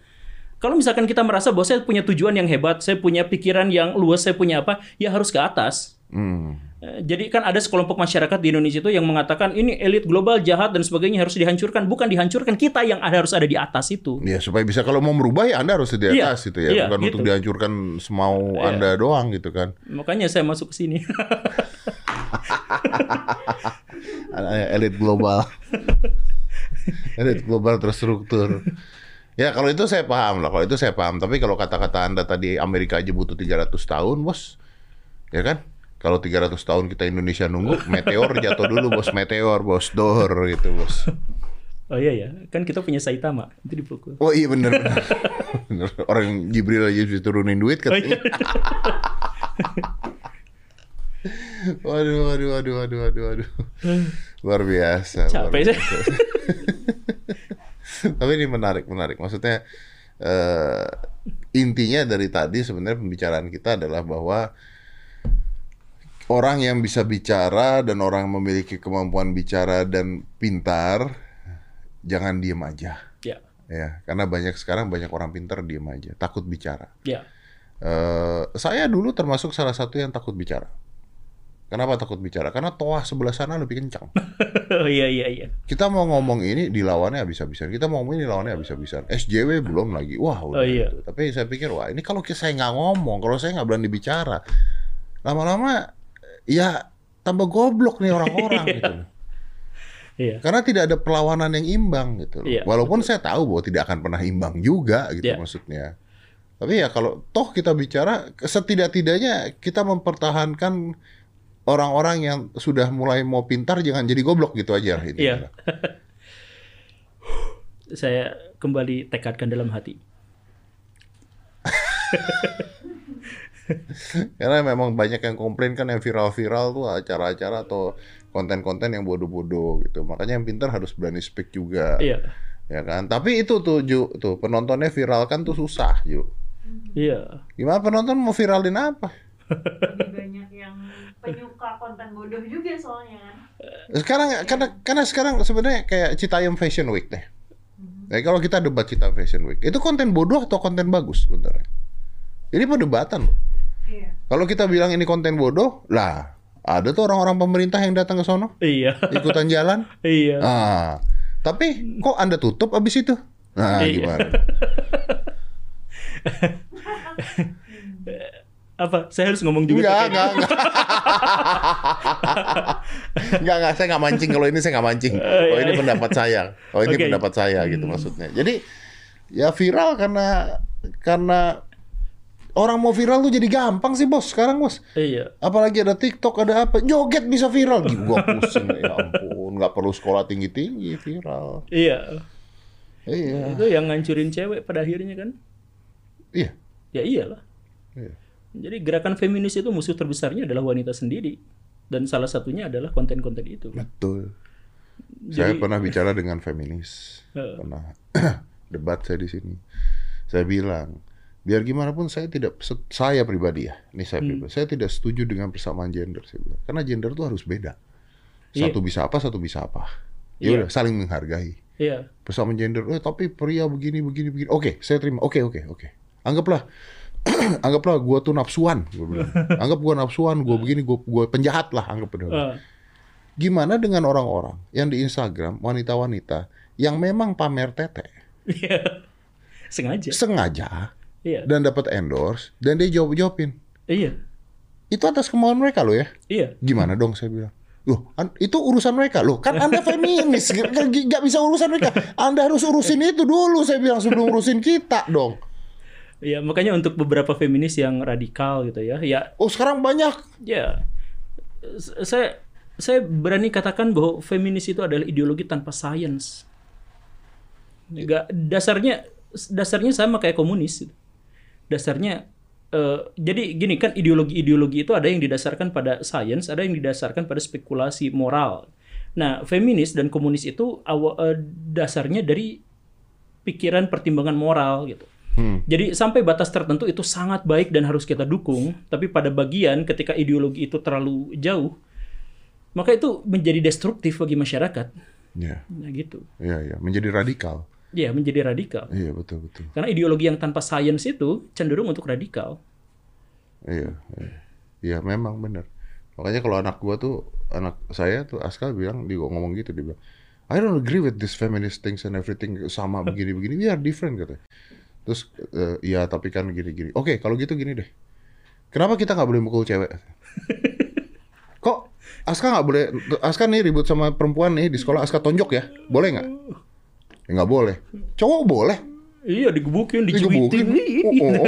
Kalau gitu kan sama katanya. Iya. Ya nggak gitu dong. Ya, nggak bisa dong kata dia. Wah, jadi, jadi jadi jadi panjang makanya saya bilang memang harus beda gitu loh. Karena Iya. saya dari kecil diajarkan kalau kita duduk di bus ada cewek da- datang, saya berdiri kasih ceweknya Ya, duduk. kita yang ngalah. Kita ngalah, Iya. ya kan? Ya kalau sekarang ya nggak mau dong. Iya. iya. Enak aja. Ntar begitu saya berdiri, "Eh, lu nganggap gue lemah? Mati pula. Iya, iya bener. Iya dong. Di sini ada cewek-cewek ini nih.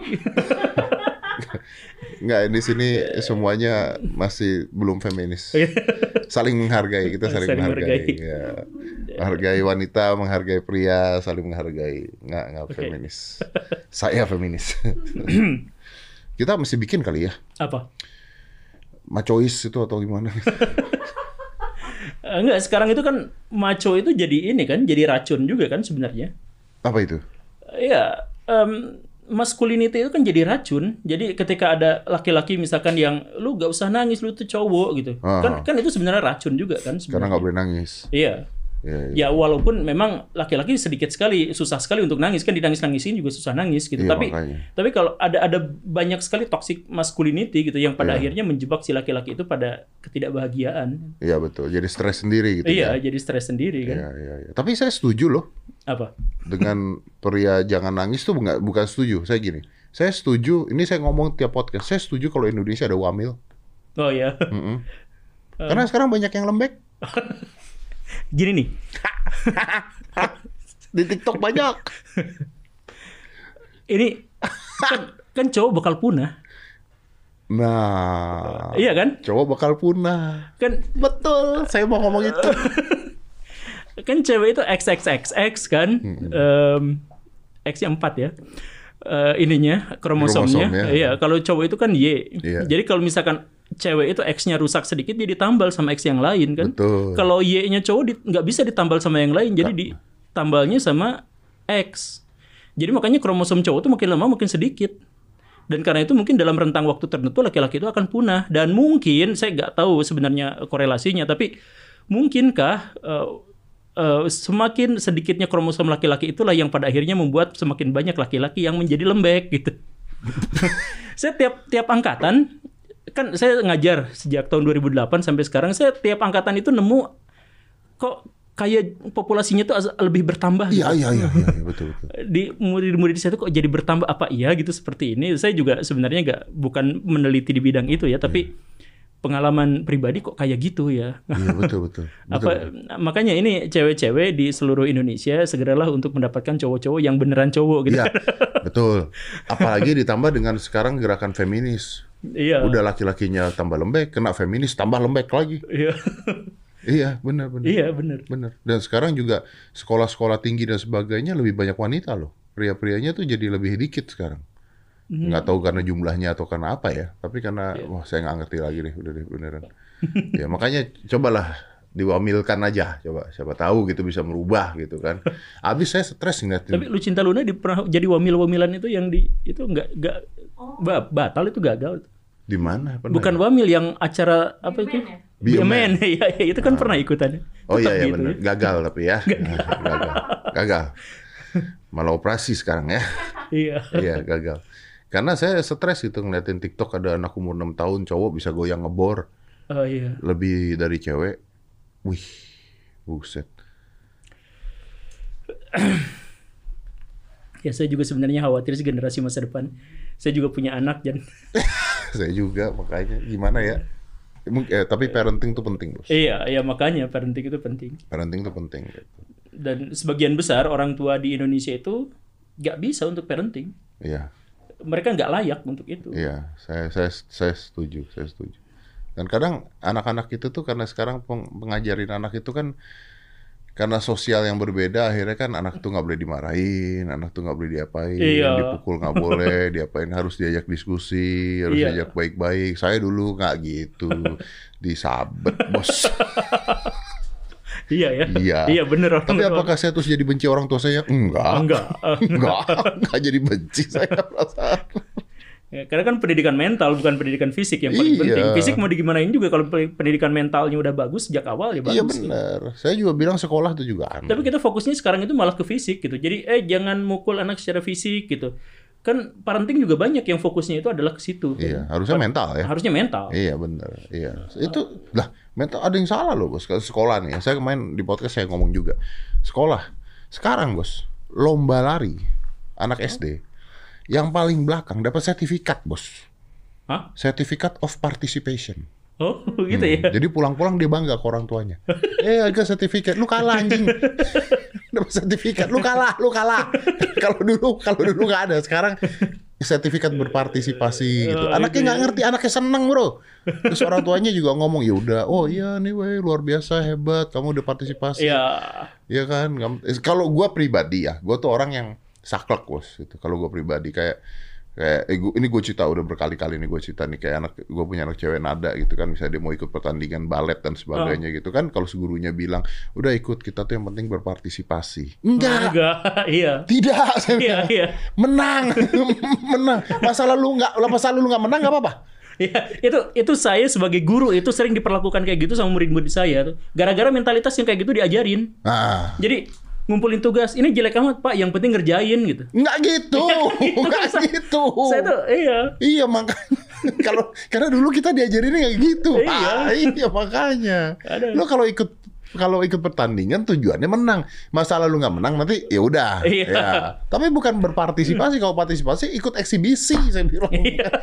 bukan pertandingan gue bilang. Di sini kompetisi kan. Iya, kompetisi kompetitif udah Iya. memang. Iya. Orang kedua yang nginjekin kaki ke bulan aja kita nggak tahu siapa. Iya. Iya. Iya betul. iya, yang diingat cuma nomor Yang satu. pertama. Iya, Iya. makanya. Gara-gara kompetitif itu. Gara-gara kompetitif. Ya benar benar benar benar. Aduh, bro, ini kalau nggak kita nggak akan selesai nih. Tapi boleh kalian kali datang lagi.